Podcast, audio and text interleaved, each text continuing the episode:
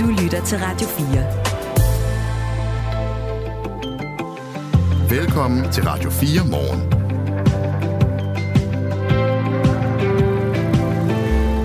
Du bliver ikke nødvendigvis lykkeligere af at tabe dig, eller nå nogle af de øh, andre mål, du har sat dig måske i forbindelse med dit nytårsforsæt. Hmm. I stedet så risikerer du bare at bruge en masse tid på noget, du egentlig ikke gider. Så lyder det blandt andet fra Ebbe Levant. Han er psykolog og leder af Center for Positiv Psykologi. Ham taler vi med om cirka 7-8 minutter. Så øh, kigger vi også til øh, Randers, for her der øh, kæmper kommunen i øjeblikket med et øh, jordskred. Det er fra virksomheden Nordic Waste. Det er en virksomhed, der modtager og renser forurenet jord. Undskyld mig. Og, øh, og der har været noget jordskred hen over efteråret på grund af de meget øh, regnmængder, der er kommet, og nu står man så med sne oven i købet og kæmper mod det. Hvordan står det til? Det øh, undersøger vi også her i Radio 4 morgen. Din værter her til morgen, det er Christina Ankerhus og Michael Robach, og vores postkasse på 1424, den er åben, hvis du har lyst til at blande dig i nogle af de interviews, vi laver, eller har kommentarer til noget af det, vi sender her til morgen. Nummeret er 1424. Godmorgen. Godmorgen. Du lytter til Radio 4. Vi øh, har talt om øh, kælkebakker her i løbet af morgenen, og det er jo fordi, at vi skal nyde, at vi har sne derude. Selvom det giver en masse bøvl, så kan vi også prøve at få det bedste ud af det ved at smide sig op på en kælk og suges afsted. Og øh, det får du chancer for hen over weekenden. Sneen bliver liggende, og der kommer øh, sol til med.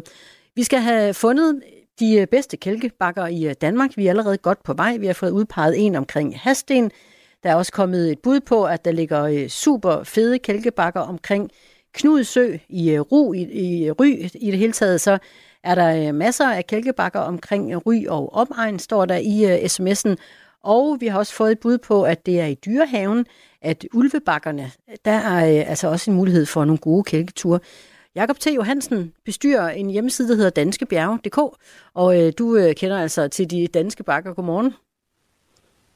Godmorgen. Øh, hvor synes du, at landets bedste kælkebakke ligger?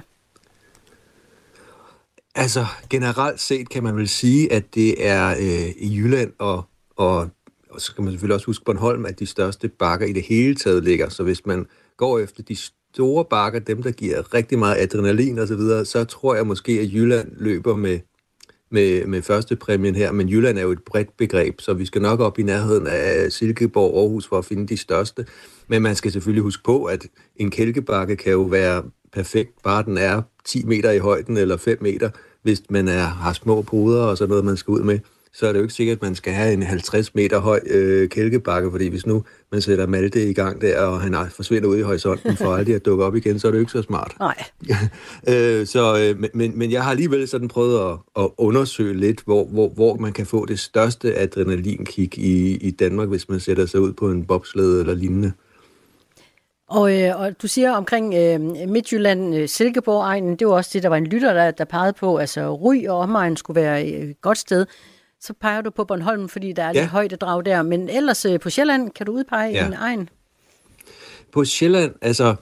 Øh, Sjælland har jo ikke sådan de allerstørste øh, bakker i kongeriget, men øh, så, øh, og, og så er der også det der med, at der, altså, kan man overhovedet kælke det sted, øh, man nu har udpeget sig, fordi man, det skal jo være på et sted, hvor der er offentligt tilgængeligt.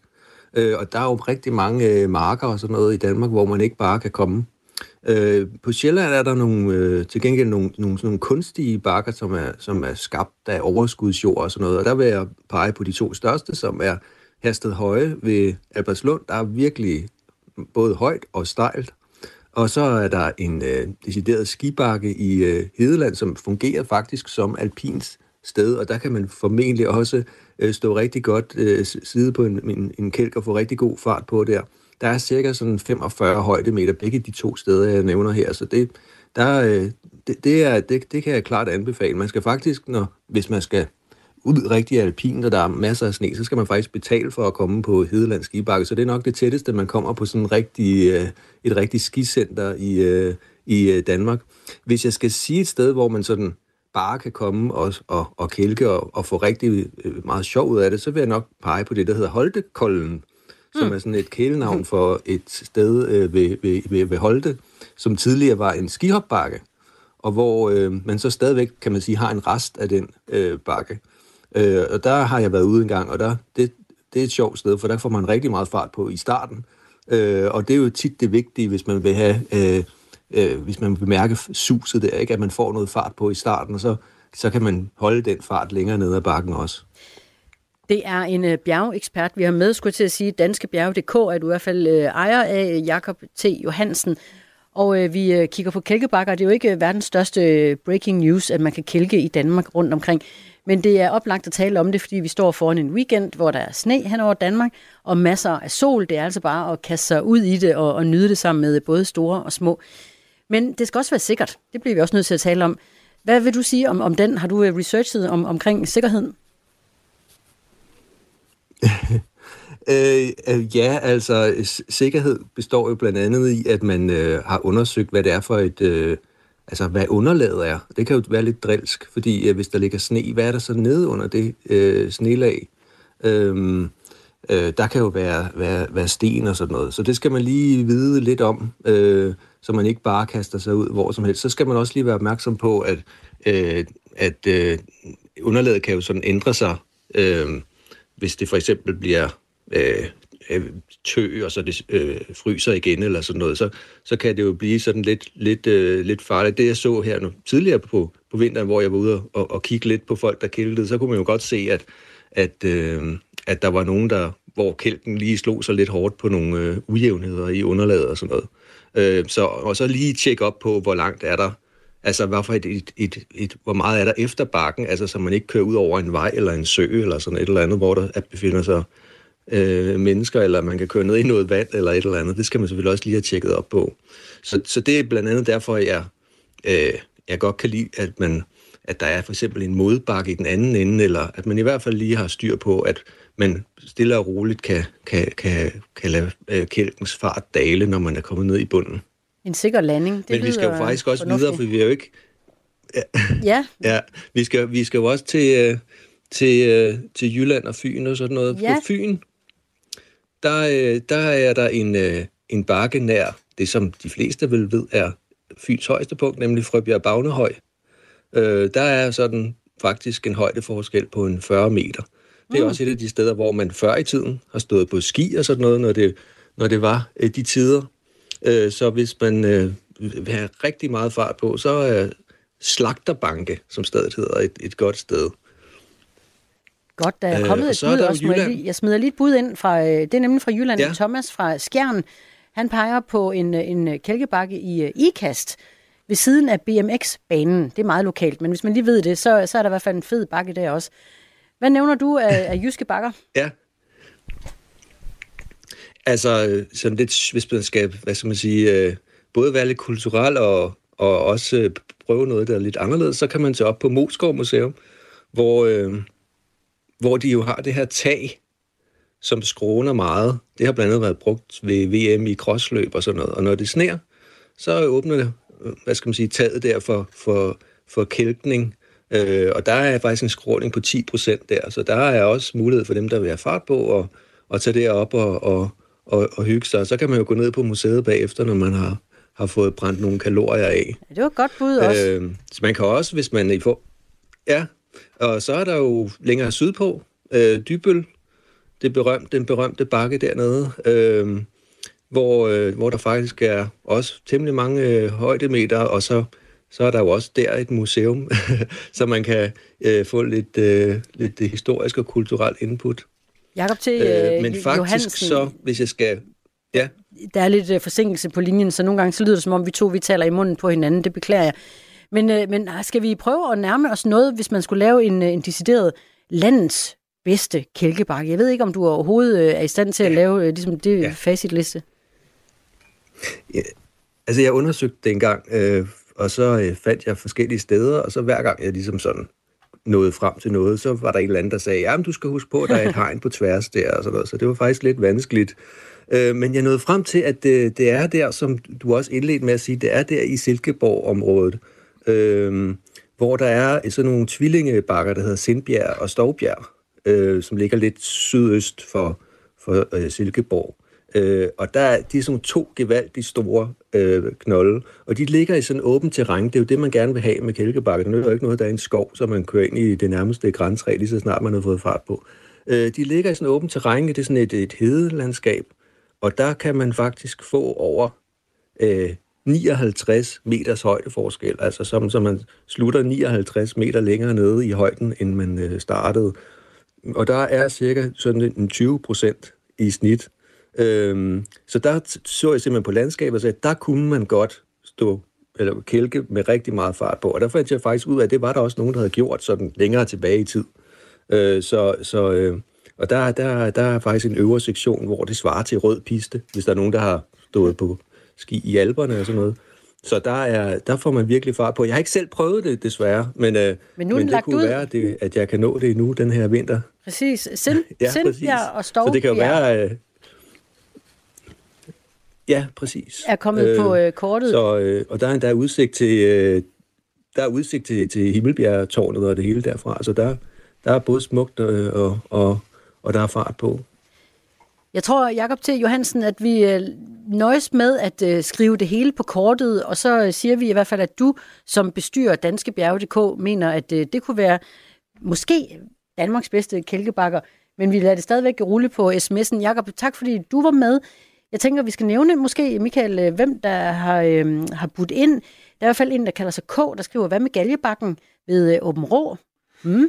Og der er også en, der skriver, øh, skibakken i Valbyparkens naturlegeplads. Den har jeg lavet for 20 år siden. Den er god, skriver Gardner Finn.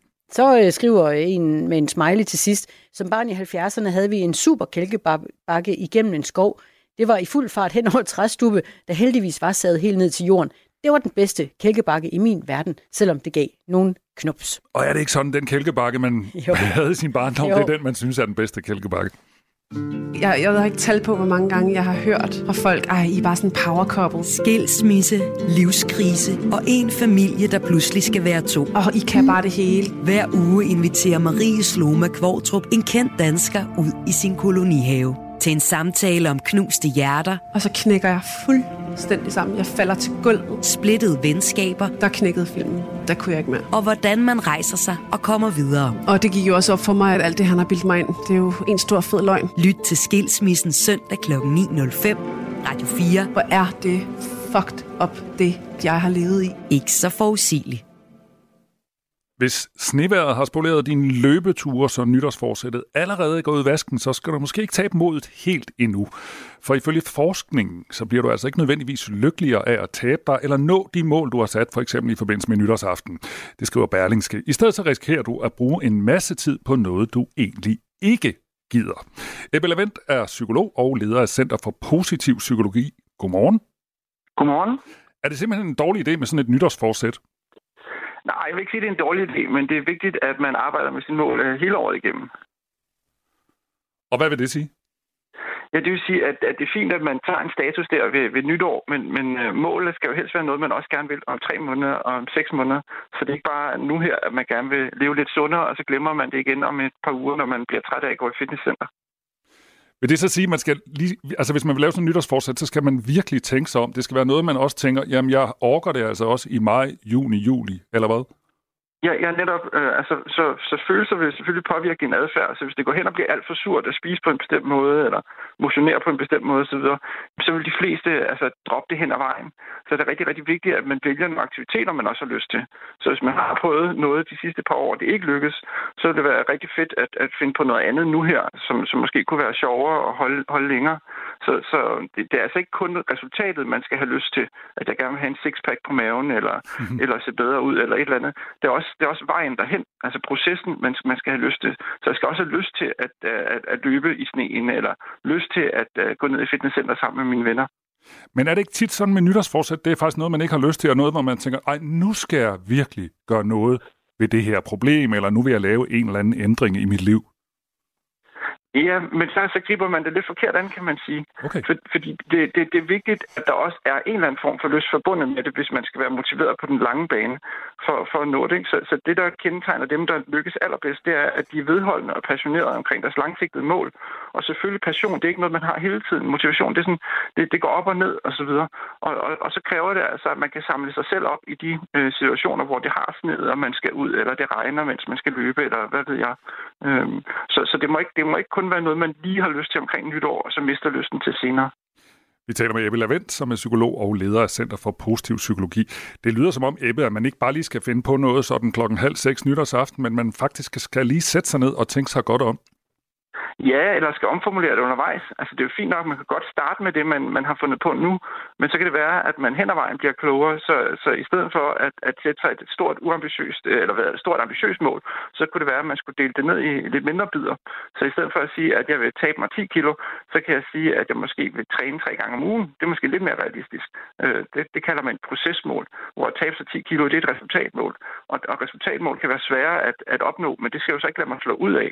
Øh, så, så, så, eller jeg vil spise 10 guldrødder om, om ugen, eller et eller andet. Et eller andet, som, som, som jeg har, har mere lyst til, og, og som jeg også rent faktisk kan lykkes med. Og så hen ad vejen, så kommer resultaterne også. Men er det ikke positivt, at man sætter sig for at ændre noget, man ikke er tilfreds med? Jo, jo, det, det, det er det. Men man skal kigge på processen i stedet, i stedet for endemålet? Ja, også kigge på processen. Altså, så, så mennesker, som kun sætter sig endemål, altså resultatmål, de, de er i risiko for ikke at komme i mål, altså ikke at lykkes med dem, øh, for, fordi der er mange ting, der påvirker resultaterne.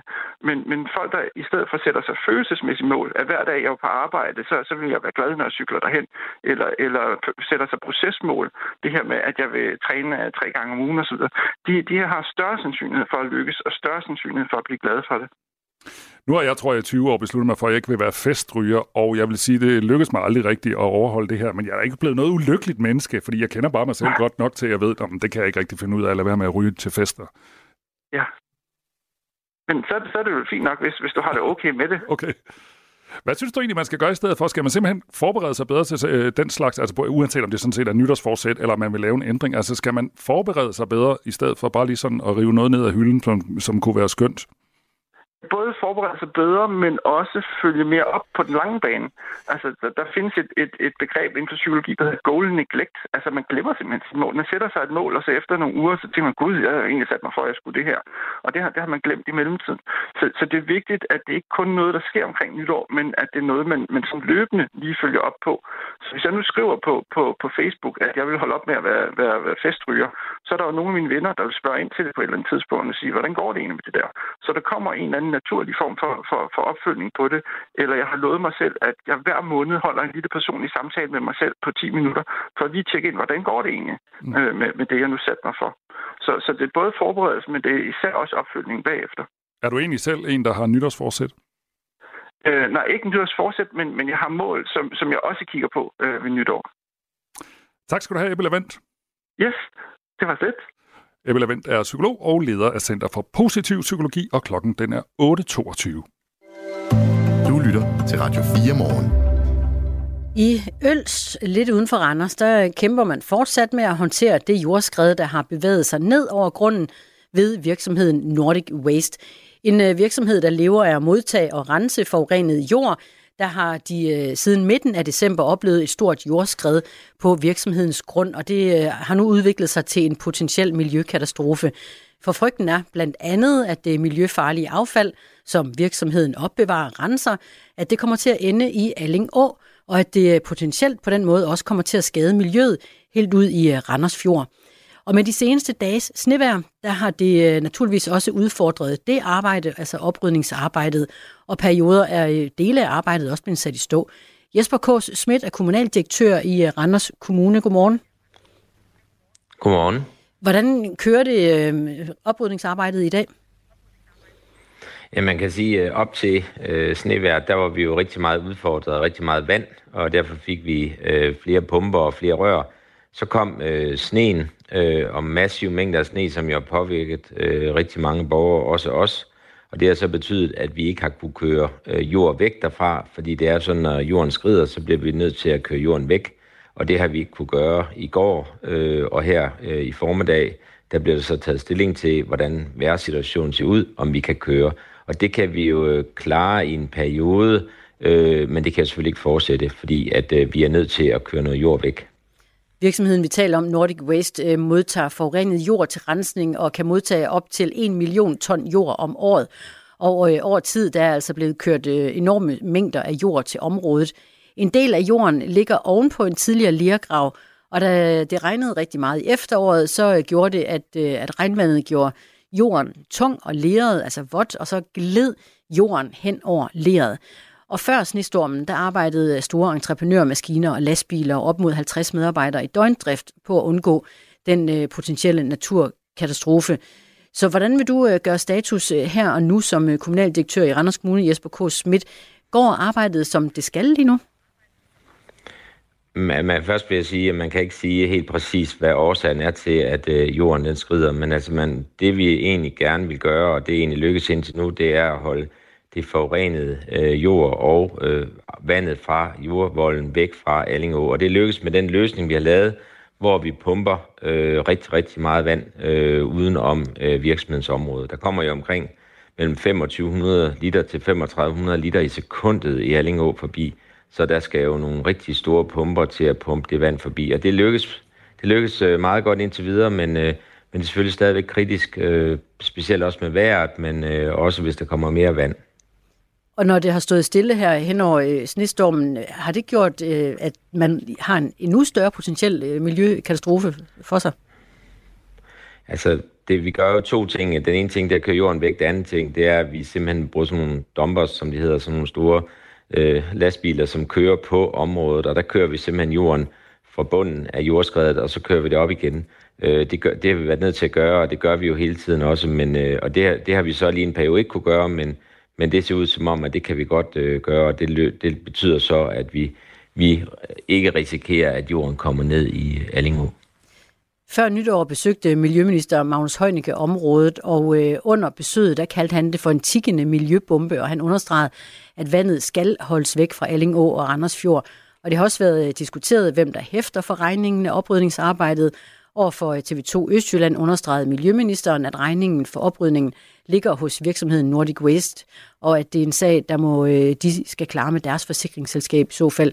Og lige nu, øh, der ser det ud til, at fakturerne havner på øh, Randers Kommunes bord. Vi har Jesper K. Schmidt med, kommunaldirektør i øh, Randers Kommune. Den øh, forsinkelse, altså øh, snestormen de øh, sidste par dage, hvad kommer det til at betyde nu og her? Jamen altså, man kan sige, at lige nu her, der kommer det ikke til at betyde så meget, fordi vi kan godt lige have en periode, hvor vi kører jorden væk. Øh, nu er vi lidt spændt på, hvad frosten betyder, fordi at øh, der kommer rigtig meget frost, og vi lå jo op til 10-18 minusgrader her i weekenden. Øh, og det er vi selvfølgelig lidt spændt på, hvad det betyder for jorden. Vi håber meget på, at hvis man har frost i en lidt længere periode, at det kan være med til at sætte jorden lidt mere, øh, sådan vi en periode øh, ikke får så meget jordskred. De, øh, de pumper, I har haft i gang, kan de køre øh, under frost? Nej, man kan sige, det er jo, det er jo den næste udfordring. Man kan sige, vi hver eneste dag, der får vi en ny udfordring, og nu får vi så den udfordring med, at øh, frosten, øh, det ved alle jo, at sådan nogle udendørspumper, de har problemer, hvis det bliver meget frost, og derfor har vi så øh, måttet få fat på sådan nogle varmetæpper, øh, så vi har pakket de der pumper ind i nogle varmetæpper, så, så de ikke fryser. Er det blevet, øh, for at bruge Magnus Heunicke, Miljøministerens ord, er det blevet en, en, en nu større tikkende miljøbombe, vi har med at gøre? Jamen, man kan sige, det, vi gør jo alt det, vi kan for at afværge den her miljøkatastrofe, og det er, det er en kamp med tiden, og det er en kæmpe udfordring. Øh, man kan sige, på sigt kan vi jo ikke blive ved med at pumpe øh, hver dag, øh, og vi kan heller ikke blive ved med at køre jorden væk. Så derfor arbejder vi selvfølgelig på en løsning, men, men vi er jo tvunget til efter lovgivningen øh, at iværksætte de her initiativer, og som du selv sagde, så er det jo virksomhedens ansvar. Det er jo virksomheden, der er årsag til, at vi er i gang med den her manøvre for at afværge den her katastrofe. Øh, vi gør det rigtigt, og det er også, øh, Miljøstyrelsen har jo også øh, understøttet os i det. Og det, at det er en meget alvorlig øh, situation, vi står i, øh, det er også derfor, at, at man har truffet den øh, afgørelse Miljøstyrelsen om, at der taler om en miljøskade, og man bruger den lov, der hedder lov om miljøskade, som faktisk kun har været anvendt øh, et par gange før, siden den blev vedtaget for vel omkring 15-20 år siden. Jesper K. Schmidt, kommunaldirektør i øh, Randers Kommune. Godmorgen til dig, og tak. Ja, godmorgen. Tak. Det her er Radio 4 morgen. Jeg kan bare lige nævne her, øh, Michael, at en flok danskere på, øh, på ferie, de risikerer at forlænge deres nytårsferie på øh, Tenerife. Det lyder dejligt. Jeg skulle også til at sige, jeg ved ikke, om man skal bruge risikere. Altså, Nej, det, det kan skønt. ske. Der er varslet en stor strække blandt lufthavnspersonalet fra den 5. til den 8. januar, skriver Kanaria Avisen.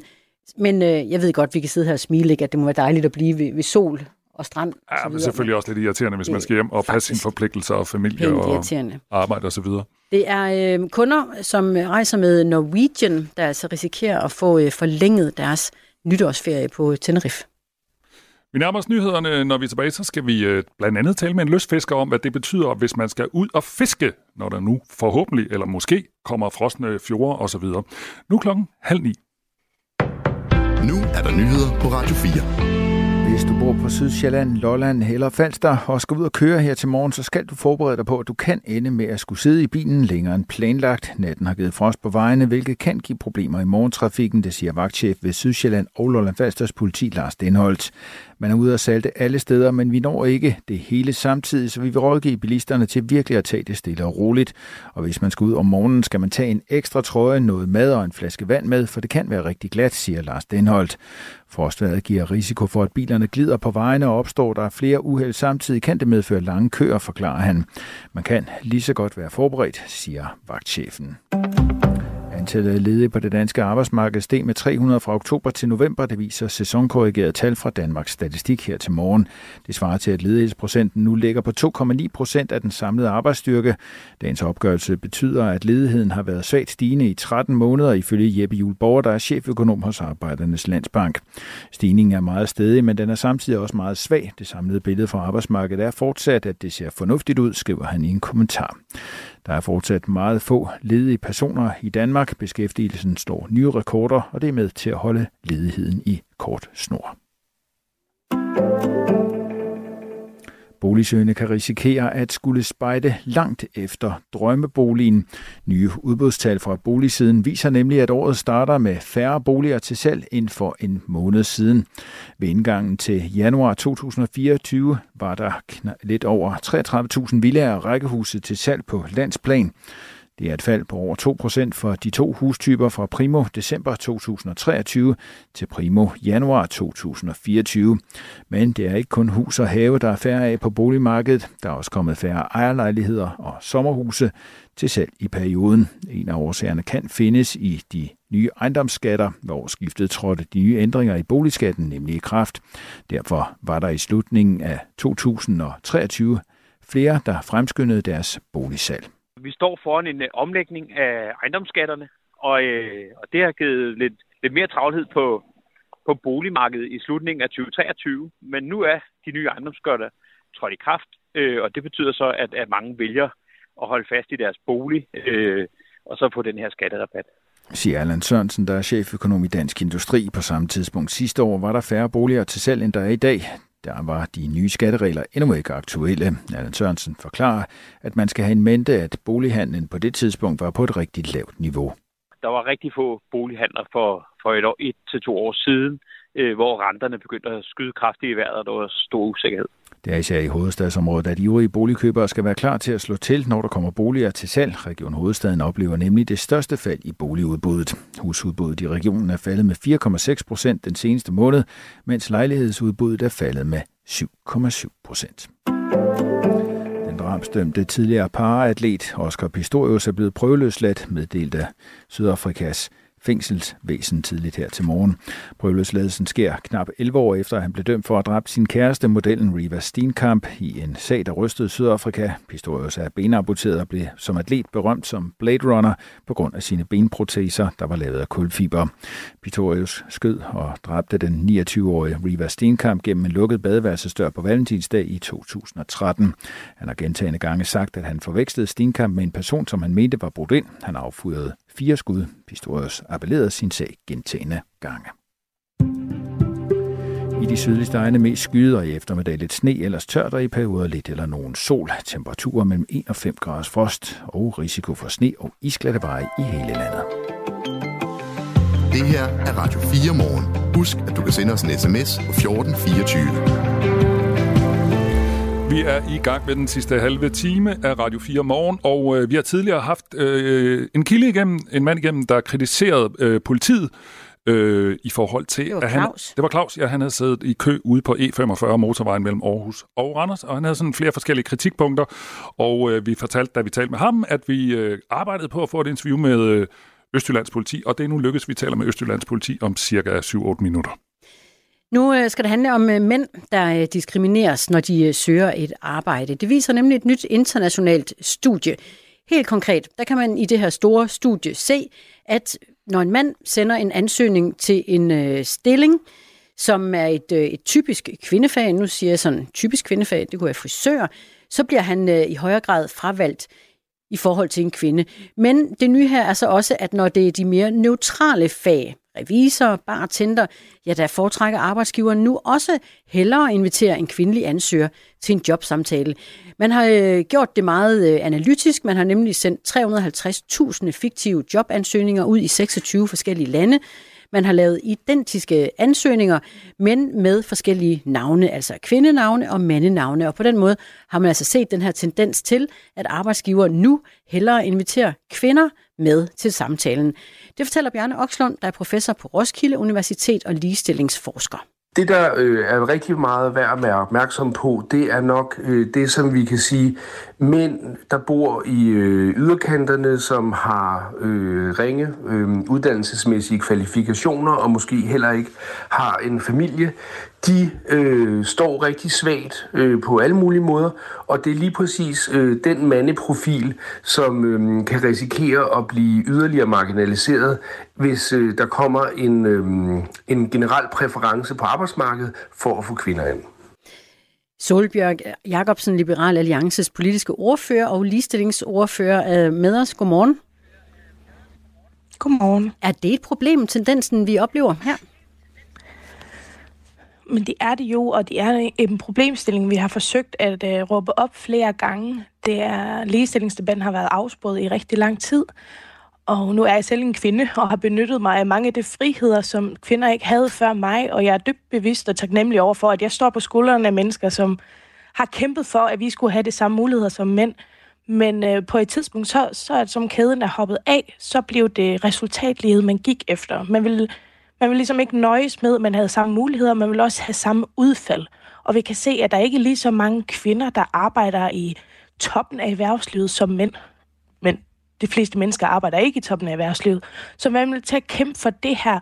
Så de er jo blevet meget politisk korrekt, og det er jo blevet lovgivning, der sætter i værk for at fremme kvinder.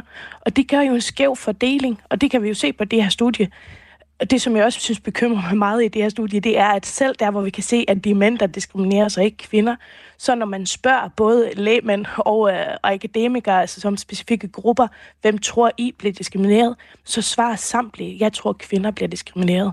Og det er den diskurs, ligestillingsdebatten har taget, det er, at det er også kvinder, som har brug for den her forlomme, fordi at vi skal have vi har mistet fokus. Vi går ikke Men op Solbjørn... i, de rettigheder længere. Vi går op i, at, at resultatet skal være det samme. Hvis jeg lige må afbryde dig, så vil jeg bare lige sige, at undersøgelsen, ja. som vi taler om, viser ikke årsagerne til, at øh, vi ser det, vi gør, nemlig at kvinderne bliver kaldt til samtaler nu i højere grad end, end mændene. Men du forestiller dig, at årsagen er, at vi har givet kvinderne en positiv særbehandling øh, indtil nu. Er det sådan at forstå? Jo, altså det som undersøgelsen øh, dykker ned i, det er at kigge på, hvad skyldes det her? For det er det, man kan se, det er, at øh, det har jo undersøgt helt tilbage fra, for det har taget rigtig mange gamle studier også, hvor det har kigget, hvordan var det før. Og der kan man se, at før i tiden, så var der både mænd og kvinder, der blev diskrimineret i henholdsvis det kvindedominerede eller manddominerede fag, alt efter om det var i modsat køn. Hvor når man kommer op til cirka 2010, så forsvinder den her diskrimination af kvinder, mens øh, mændenes diskrimination, den forbliver den samme. Faktisk bliver den værre på nogle områder. Så derfor så kan vi se, at hvad er der sket i den periode? Jamen, der er kommet måltal, for eksempel i bestyrelser. Der er kommet politisk fokus på, at der skal flere kvinder, der skal flere kvinder. Kvinder skal i toppen. Og, øh, og derfor så er det blevet den her politisk korrekthed, der er sat ind, og det der fokus, der er sat på. Og det, det er da klart, der er en årsagssamling mellem der, og det kommer undersøgelsen faktisk også ind på, at der er det her politiske fokus. Men er det Derfor ikke så positivt? Synes jeg, vi skal tilbage til, at det skal handle at kvinder nu øh, Positivt. også får altså, hvis... en, en øh, indkaldelse til en jobsamtale? Selvfølgelig er det det, men det gjorde de også før. Men der var højere grad af diskrimination. Diskrimination skal hverken finde sted på mænd eller kvinder. Men det er da ikke positivt, at vi siger, at nu er det mændenes tur. Det er det ikke det, vi er ude efter. Vi er ude efter, at vi skal have et samfund, hvor kønnen ikke skal definere, hvad vi kan og vil. Og, øh, og der bliver vi også nødt til at acceptere, hvis der er gennemsnitlige forskelle mellem kønnene hvis ikke der er lige så mange kvinder, der ønsker at arbejde 80 timer om ugen. Det er der ikke. Vi kan se, at kvinder i gennemsnit ønsker at arbejde mindre. Dermed ikke sagt, at der ikke også er kvinder, der ønsker det. Jeg er selv en af dem. Men vi bliver nødt til at give plads til, at vi som samfund er forskellige. Og det er nogle gennemsnitlige forskelle mellem mænd og kvinder. Og det vil gøre, at der ikke er lige statistikker på alle ting. Vi kan ikke lave politik og sætte en dagsorden efter, at der skal være lige så mange kvinder og lige så mange mænd alle steder. Det er jo helt forrygt. Vi har også uh, Christina Olomeko med, ligestillingsordfører for uh, Alternativet. Du uh, har lyttet med på, på snakken her. Ser du nu, at en, uh, en, en diskrimination til den, til den gale side eller til den anden side også?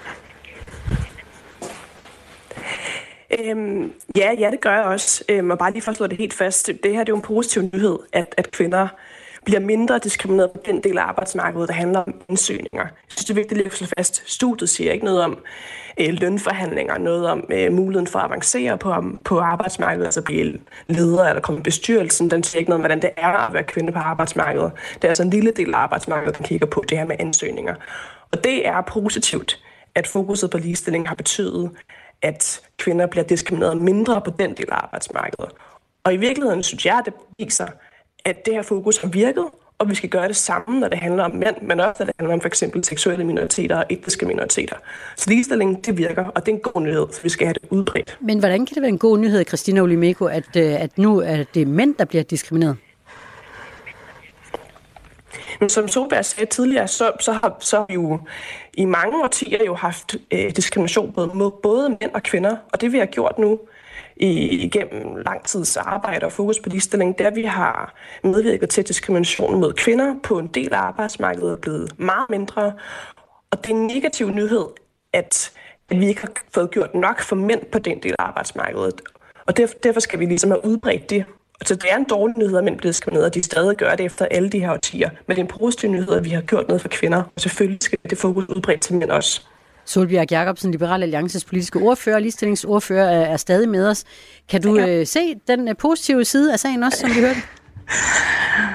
Jamen, det er jo bare ikke rigtigt, hvad der bliver sagt. Det er jo ikke det, vi har gjort mod kvinder det sidste årti, der har medført, at kvinder ikke bliver diskrimineret længere. Det er, at kvinder fik samme rettigheder som mænd. Det er, at vi fik snakket jeg oplever, at der er en, en dårlig forbindelse på Solbjørg lige i øjeblikket, og skal høre, om vi kan ringe Solbjørg op, så vi kan få den bedst tænkelige lyd med. I mellemtiden så håber jeg stadig, øh, Christina Olomiko, at du er med os ligestillingsordfører for Alternativet. En, øh, en lytter, der hedder Michael, skriver ja, til os fra Horslev, at øh, kvinderne har nu sejret af helvede til, som man siger. Altså, han peger jo så også på, at nu går det faktisk for godt for kvinderne. Kan mm. du give ham ret i det? Øhm, Nej, det, det, det vil jeg overhovedet ikke give ham ret i. Og jeg, og jeg mener faktisk, det er ulogisk at kigge på diskrimination, som om det er et nulsomspil. Altså det, at en befolkningsgruppe bliver diskrimineret mindre, så gør en anden befolkningsgruppe bliver diskrimineret mere. Det er ikke et nulsomspil, når man taler om menneskers vilkår. Det er positivt, at kvinder bliver diskrimineret mindre, men der er absolut intet, intet belæg for, at det så betyder, at mænd bliver diskrimineret mere, og det er overhovedet heller ikke det, det studie fokuserer på, eller øh, viser. Studiet viser, at vi har øh, at vi har ser mindre diskrimination på kvinder, eller for kvinder for den del af arbejdsmarkedet, der handler om ansøgninger, men desværre ikke har set det samme for mænd. Tværtimod er der stadig diskrimination for mænd.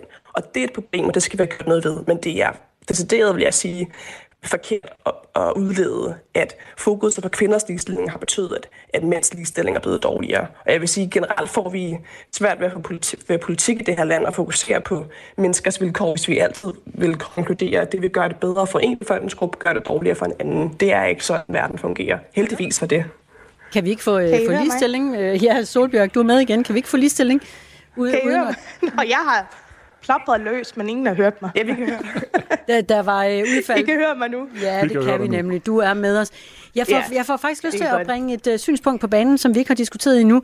Det var nemlig uh, Bjarne Okslund, der var med os professor på Roskilde Universitet og ligestillingsforsker. Han siger nemlig, at, øh, at der er også noget helt tredje i spil, nemlig det, at vi øh, i tiden nu har en tendens til, at vi forventer noget andet af en øh, kollega og en medarbejder, end vi gjorde tidligere. Man skal kunne arbejde sammen med andre, og at øh, man skal kunne kommunikere, og, øh, og i det hele taget øh, være en, en, en god kollega. Det er ikke nok så at sige, at, at være den dygtige kirurg eller den dygtige lærer. Du skal også kunne fungere øh, i meget tæt samspil med, med andre. Og der begynder øh, forestillingerne om, øh, at, øh, at øh, mange kvinder på arbejdsmarkedet måske har nogle stærkere relationelle kompetencer at, øh, at spille ind. Så jeg er ikke sikker på, at det bare er et udslag af, at vi har haft ligestillingspolitikker, men nok så meget en, øh, en omkalfatring af, hvad vi opfatter som professionalisme. Solbjørg øh, hos Liberal Alliance. Er der en pointe ved, at vi øh, har fokuseret meget på de såkaldte gammeldags kvindelige dyder? Øh, måske for meget? Jamen, jeg synes, at han giver udtryk for noget, der rammer spot on. Altså det som ligestilling, det at vi fik lige rettigheder, har medført, det er, at vi har kunne set flere kvinder lave ting, som mænd gjorde før, og omvendt. Og mænd og kvinder er i gennemsnit forskellige, og derfor så kommer der flere kompetencer ind på områder. Man kan se, at økonomisk på bundlinjen giver det mening. Altså, er det en fordel at have både mænd og kvinder? Vi kan se, at på arbejdsglæde, så er der også større arbejdsglæde der, hvor man har både en mænd og kvinder. Så der er ingen som helst indikator for, at man skulle diskriminere hverken mænd eller kvinder. Der er alt, der taler for, at du som virksomhed skal tage den bedst egnede. Derfor giver det ingen mening, at vi skal have måltal, at vi skal gå og snakke om kvoter, at vi skal gå op i statistikker. Vi skal, vi skal simpelthen til at fokusere på personen, på deres kompetencer, på deres interesser, og så skal kønnet ikke spille en rolle. Hvad siger du øh, til den, Christina Olimiko, øh, at vi skal kigge på kvaliteter og evner, og ikke så meget på, øh, på dyder og køn? Jamen, det, det er Alternativet fuldstændig enig med Liberal Alliance i, så der, der har vi da klart en fælles front, og, og, og sådan skal det selvfølgelig være på et arbejdsmarked og alle dele af livet, at man bliver set på som det menneske, man er, de evner, man har, og ikke den hudfarve eller seksualitet eller køn, øh, man måtte have. Så det er vi helt enige om. Øhm, jeg synes nok ikke helt, det var det, professoren sagde lige før.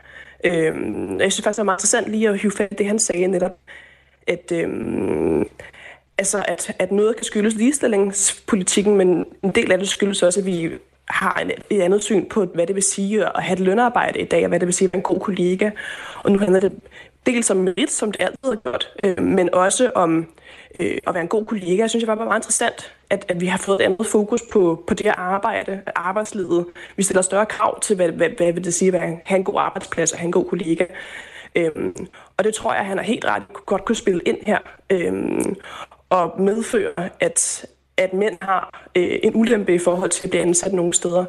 Øhm, og bare for Ja, jeg synes bare, det er fedt, at I havde ham, professoren, synes, det gør noget for, at vi mm. får lidt faglighed.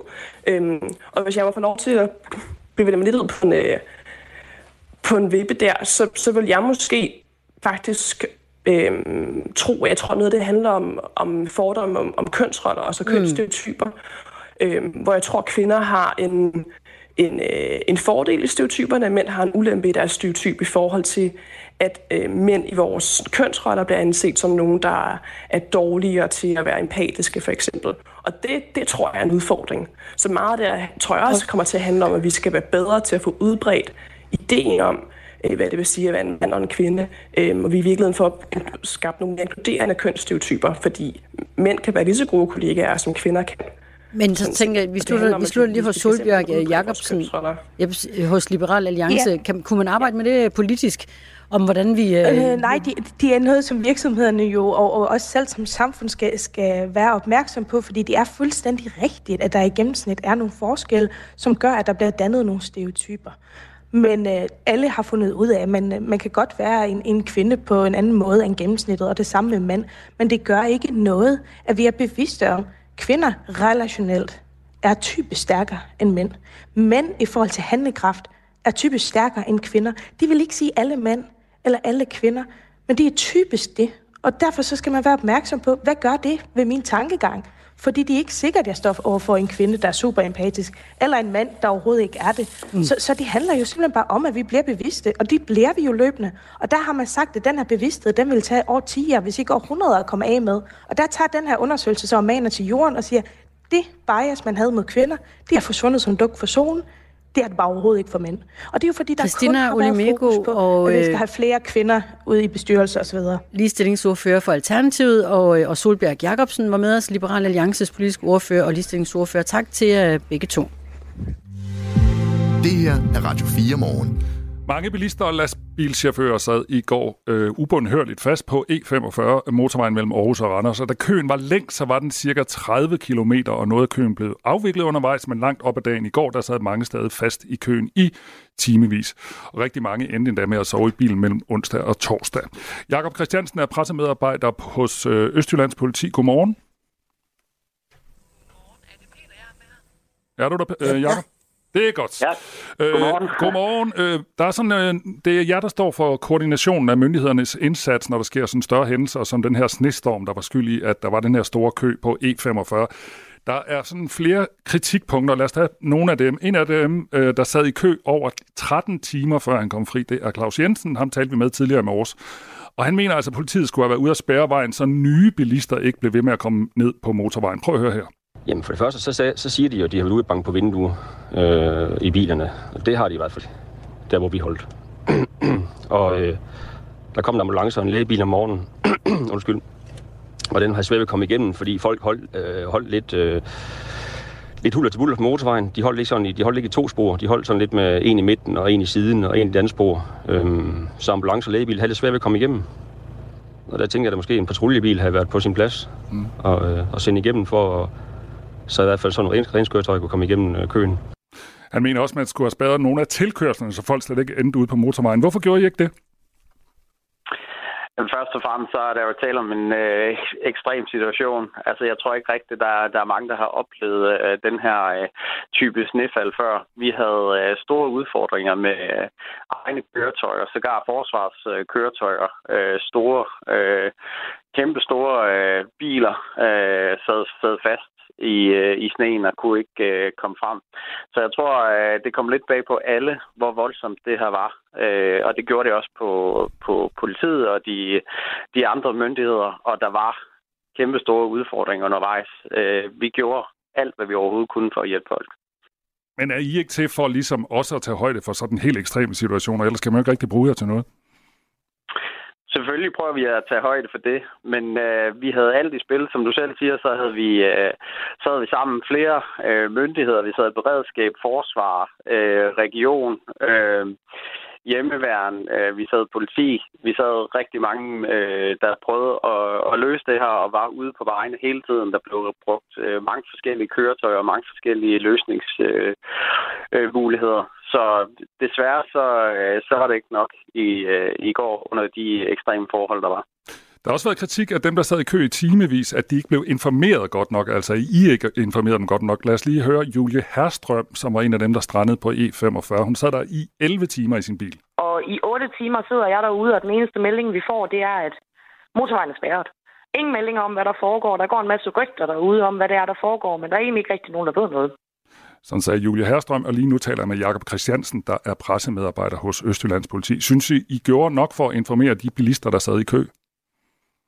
vi synes i hvert fald, at vi, vi prøvede øh, det, vi kunne, men vi er også bevidste om, at det er en, øh, en voldsom situation at sidde øh, fast i sin bil så mange timer og, og ikke føle, at man får, øh, får nok information. Og det er vi rigtig kede af, at folk de, øh, de har den øh, oplevelse. Det var i hvert fald overhovedet ikke vores intention, at der var nogen, der skulle sidde så mange øh, timer i bilen. Vi prøvede på forskellige vis at informere. Det var både via radio, via øvrig presse, via sociale medier, via vores øh, hjemmeside. Og vi prøvede at informere på, på de måder, vi nu engang øh, kunne. Øhm, men, øh, men vi må erkende, at vi har nok ikke kunne komme, øh, kunne komme nok øh, ud til, til folk med de muligheder, vi, vi havde. Og, øh, og det er klart, at vi kommer også til at lave en evaluering af, af hele den her indsats, og der i vil, øh, vil øh, der selvfølgelig også indgå kommunikationsdelen, som vi, øh, som vi skal kigge på. Ham, vi, øh, som øh, vi lige hørte før, som havde siddet i kø i rigtig lang tid, øh, Claus Jensen, at han sagde, at han hørte fra sin kæreste, at man kunne læse noget på Twitter. Og han sagde, jeg har aldrig været på Twitter, og nu har jeg lige tjekket, der er 13 procent af den danske befolkning, der er på Twitter eller X, og det er der, I har opdateret mest af alt. Skulle I vælge noget andet i fremtiden? For eksempel er der 91, nej, 84 procent af danskerne, der er på Facebook. Vi opdaterer også på Facebook. Så vi, øh, vi, øh, vi lavede også flere øh, nyheder, og det vil jeg også kunne se, at vi, er, vi har lavet en, en del opslag i går på, på Facebook. Det er rigtigt, at vi, vi bare bruger Twitter eller X, som, som det nu hedder. Det er jo ikke kun alene til at ramme den almindelige borger, det er jo også den måde, vi rammer pressen på, som videreformidler vores budskaber. Men, men vi har nogle begrænsninger i, hvilke hvilke kommunikationsformer vi har øh, til rådighed, eller platforme vi har øh, til rådighed. Og det er selvfølgelig også øh, noget af det, vi skal kigge på fremadrettet. Sådan lidt sammenlignet her til sidst. Hvad har I lært af den her situation? Jeg tror, det er for tidligt at sige, hvad vi har lært endnu. Øh, jeg tror, at vi alle sammen skal huske på, at det var en ekstrem situation i går, og der ligger stadigvæk rigtig meget sne øh, ude på vejene, så det er ekstremt sjældent, at vi kommer i de her situationer. Øh, så jeg tror, at både øh, myndighederne og borgerne øh, selvfølgelig øh, lære noget af sådan en øh, situation, som sker så sjældent i Danmark. Jeg tror, der er mange, som... Øh, altså, der var jo anbefalinger om, at man ikke skulle køre ud. Det tror jeg, der var mange, der, der ikke havde øh, opfattet, hvor alvorlig situationen egentlig var. Og jeg tror også øh, helt sikkert, at der er noget, øh, vi i politiet og i andre myndigheder kan lære af den her situation. Tak fordi du var med i Radio 4 morgen. Det var så lidt. God dag til jer. I lige måde. Det her er Radio 4 morgen. Med øh, udsigt til en weekend med øh, ned til 20 minusgrader, så kan man øh, udfordre sig selv på forskellige måder. Peter Lykkehøj Christensen, godmorgen.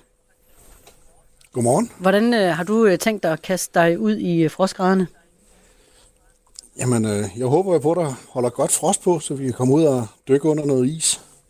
Hvordan foregår det? Nogle af vores søer.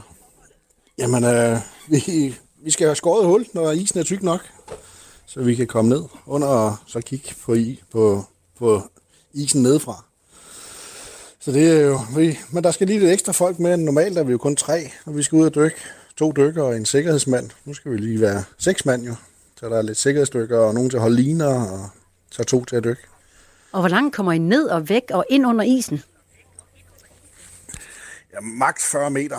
Ting. Sådan det, uh, det er vores line, ikke, ikke og ja, man er, man er hurtigt 40 meter væk, men det går ikke så dybt, men uh, det er lige så meget til, ud til siderne.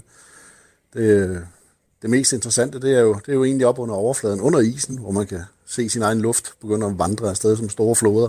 Ja, hvad er det for en oplevelse, du får dernede under isen? Jamen, lyden er en helt anden under vandet, når man sådan ånder ud. Man kan godt, man kan godt mærke, at der ligesom er låg på. At, øh, og man kan se igennem isen, det, når man kigger op, det er klart som glas. Så det, øh, og så al ens udåndingsluft, den ligger sig jo i store søer, og sådan, man, kan, man kan nærmest lege med sin luft, som der, der, der dribler afsted ikke, på vej hen mod hullet. Så det er, det er vildt fascinerende at være dernede. Men øh, mm. der er selvfølgelig lige nogle sikkerhedsaspekter, der skal i. Tak fordi du var med her, og pas godt på dig selv. Vi kan også sige godmorgen til Frank Nessager Sjøgren, som er løsfisker og står bag Franks Garanti, et lystfiskerprogram, der kører på 11. sæson på TV MidtVest. Er det fedt at være lystfisker, når der er frost på vandet? Ja, det, det er 100 procent for mig i hvert fald. Ja, der er der helt sikkert nogle løsfiskere, der synes, det er mega irriterende, der er kommet låg på, og låget ikke er tykt nok endnu. Men, øh, men jeg, jeg elsker at fiske efter alle mulige arter, og, og der er bare nogle arter, der er lidt nemmere at komme til, og, og selvfølgelig nogle muligheder, der bliver noget anderledes, når der kommer låg på. Og hvad er det for nogle arter? Jamen altså, i øh, ferskvand, som, som øh, vores kære dykker han lige snakkede om, der er det gede, arbor og sandart, og de er jo virkelig hopla lige nu. Øh, geden, den øh, skal gyde her en gang i marts-april måned, så den, den forsøger virkelig at æde sig tyk og fed nu her, så den har masser af energireserver til at lave æg og sæd med. Øh, og det gør jo, at den så forhåbentlig æder en skalle, jeg propper ned i sådan et hul i isen. Øh, så, så der er masser af sjov, og ude på kysterne, ude øh, ved, ved kystnære fjordområder, der er det fladfisk og havørred og torsk og en masse små arter, som vi, vi tillader os lidt øh, uh, i min nørdede verden at kalde mikroarter. Mm. Så nogle fisk, der ikke sådan har den store madmæssige interesse, men, men fås i alle mulige finurlige farver og former og sådan noget. Det er mega sjovt. Hvis nu frosten lukker søer, for eksempel til, helt til med is, hvordan foregår det så? Jeg får sådan et billede inde i mit hoved af en tegneserieagtig uh, scene, hvor man skærer et hul i isen. Ja, det, det, det, det er fuldstændig det rigtige billede, du har. Mm-hmm. Altså, hvis isen bliver bæredygtig nok, og det er det jo ekstremt vigtigt lige at huske på i vores lille land, at udover at, at vi, vi hurtigt får is på nu her, så går der altså lige noget tid, inden isen kan bære, selvom, selvom vi får rigtig meget frost. Og så, øh, fordi vi har haft alt det nedbør, vi har, så er der rigtig meget varmt kildevand, der kommer ud af, af bunden nede i søerne. Så der, der kan altså være nogle rigtig lumske steder, så man skal lytte til kommunerne og høre, hvornår isen er sikker nok. Men når det så sker, så er det simpelthen ud at få, man kan købe et isbord rundt omkring, man kan også selv have kul med økser, som jeg tit gør, for jeg er lidt mere primitivt. Øh, og som det er lige nu, jamen ofte, hvis isen ikke er helt tyk nok, så hugger jeg faktisk hul helt ind i kanten af søerne, på steder, hvor det hurtigt bliver dybt, og så skubber jeg simpelthen avnen ud under vandet, øh, ud under isen med nogle lange elektrikrør, som jeg så forlænger med hinanden, så jeg kan komme 7-8 meter ud under isen. Skal du ud nu her i weekenden? Ja, fra søren da. Altså, det er, jo, det er jo weekend. Altså, når man ikke skal arbejde, så skal man ud og fisk. Altså, det, det, det kan godt være, at det bliver koldt, men til gengæld, så har man sådan en dejlig varme kinder, når man kommer hjem. Så det er helt fantastisk. Rigtig og der er altså et eller andet over at stå og fisk ned under sådan en sort, øh, helt kulsort is der. Det er helt fantastisk. God fisketur. Jo, tak. Og tak, fordi du var med i uh, Radio 4 Morgen. Det var altså Frank Næsager Sjøgren, der er løsfisker og vært på TV MidtVest-programmet Fangstgaranti. Trykfonden har på sin hjemmeside Respekt for Vand et afsnit, der handler om øh, isen og, øh, og færdsel på isen. Man kunne jo lige øh, søge forbi der og kigge på gode tips til dem, inden man øh, stikker afsted ud på isen og fisker. Radio 4 Morgen Vi nærmer os slutningen. lakker mod enden. Ja, og øh, vi har rykket lidt rundt i programmerne, så efter nyhederne med Thomas Sand, så er der altså det blå hjørne i dag. Klokken er ni. Du har lyttet til en podcast fra Radio 4.